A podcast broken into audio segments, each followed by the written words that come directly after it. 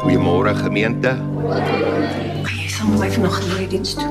Ek gaan weer saam Jolande in 'n noordgemeente. Dis nog Sy sien Terwyl is baie cooler as Paul.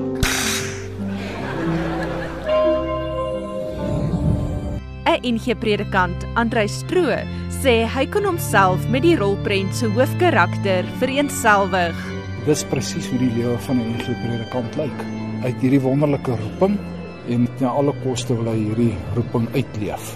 En dis net daar waar hy in hierdie strik trap waarin elke mens maar beland.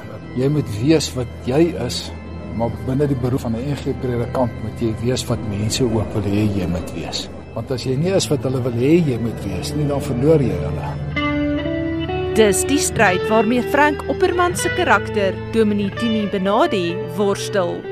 Net 'n doodgewone ander ou met 'n ander job met dieselfde probleme as die res van die mense en die expectation is dat hulle dit nie het nie. Henrietta Gryvenberg vertolk die rol van sy vrou, Esther. Ek praat altyd oor die era waar ek vandaan en die era waar ek groot geword het, was 'n predikant deur 'n gemeente gesien as nie menslik nie met ander woorde omdat hulle 'n dienaar vir God is, is hulle dan nou ook amper goddelik en ek dink nie dit het vreeslik verander nie. Dit is nog steeds dis daai Hulle staat is dit 'n bietjie geval, jy weet. Ja, ja, jy, jy glo nie meer aan ja, ja, die die kerk. loop leeg, Maar die ja, en die is kritiek ja. is meer net soos wat mense na 'n priester kyk en jy sê omdat jy 'n priester is, mag jy nie menslik wees nie. En dit is wat dit ooreindelik gaan as jy mooi daaraan dink, is dat hierdie man is op maar net 'n mens met dieselfde probleme as enige ander mens. Tini, vertel my van jou probleem. Ek weet nie waar om te begin nie. Dit het so skielik gebeur.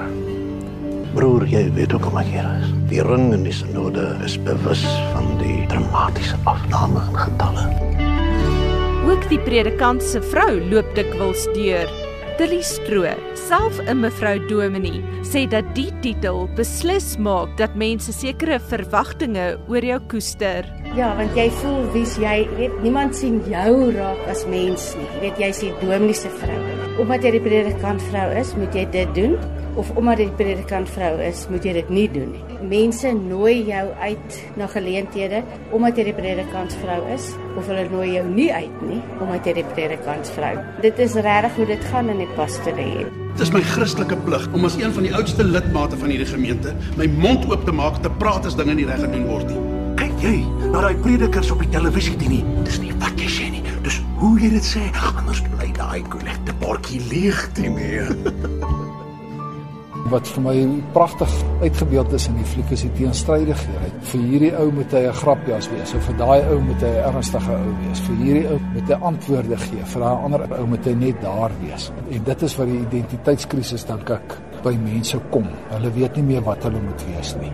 Hulle weet wat hulle is, maar hulle weet nie wat moet hulle wees nie en dan raak hulle deurmekaar met wie hulle regtig ook is. Jy kan nie almal save nie.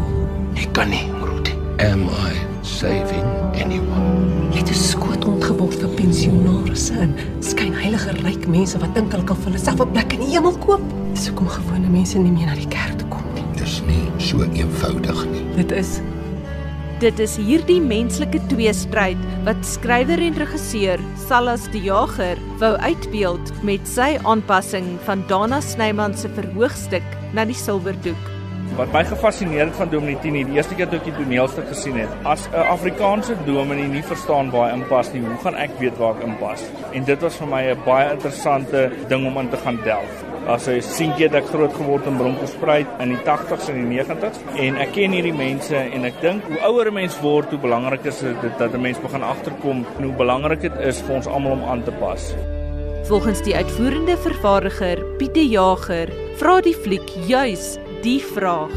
Die groot kwessie is, kan die NG Kerk nog relevant bly? Is dit moontlik om deur 'n missionêre visie en 'n nuwe benadering tot die gemeenskap in die algemeen die kerk buite toe te vat in plaas van binne toe?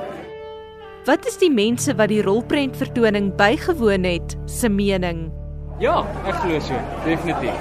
Ek dink ook dit is baie relevant. Ek dink dit hang af hoe jy, ek dink is 'n baie persoonlike keuse ook van by watter kerk jy gemaklik voel. Ja, en net soos wat jong mense deesdae pub crawl, ek doen ons ook church crawling. Ons gaan soek die kerk waar wy ons aanklank vind. Ek dink baie met die NG Kerk, die tradisionele benadering.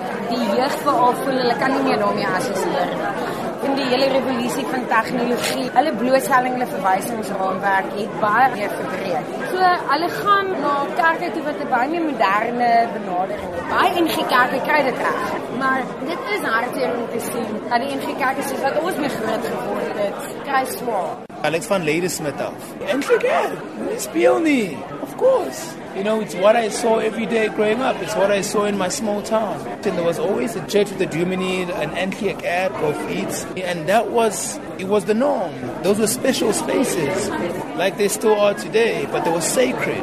Die boodskap begin by ons. Die kerk moenie meer vir homself bid nie, dat ons bid vir ander mense daar buite en ons moet begin uitreik daar buite. Daar's 'n tyd in Suid-Afrika nou wat nodig is vir leiers om uit te kom en te sê hallo ouens, hier is wat ons moet doen. Kom ons doen dit. Gemeente, ek staan vanmôre hier voor julle en ek is skaam want ek weet nie waaroor om te preek nie. Hoe kan ek Tini Benadi vir ander mense preek?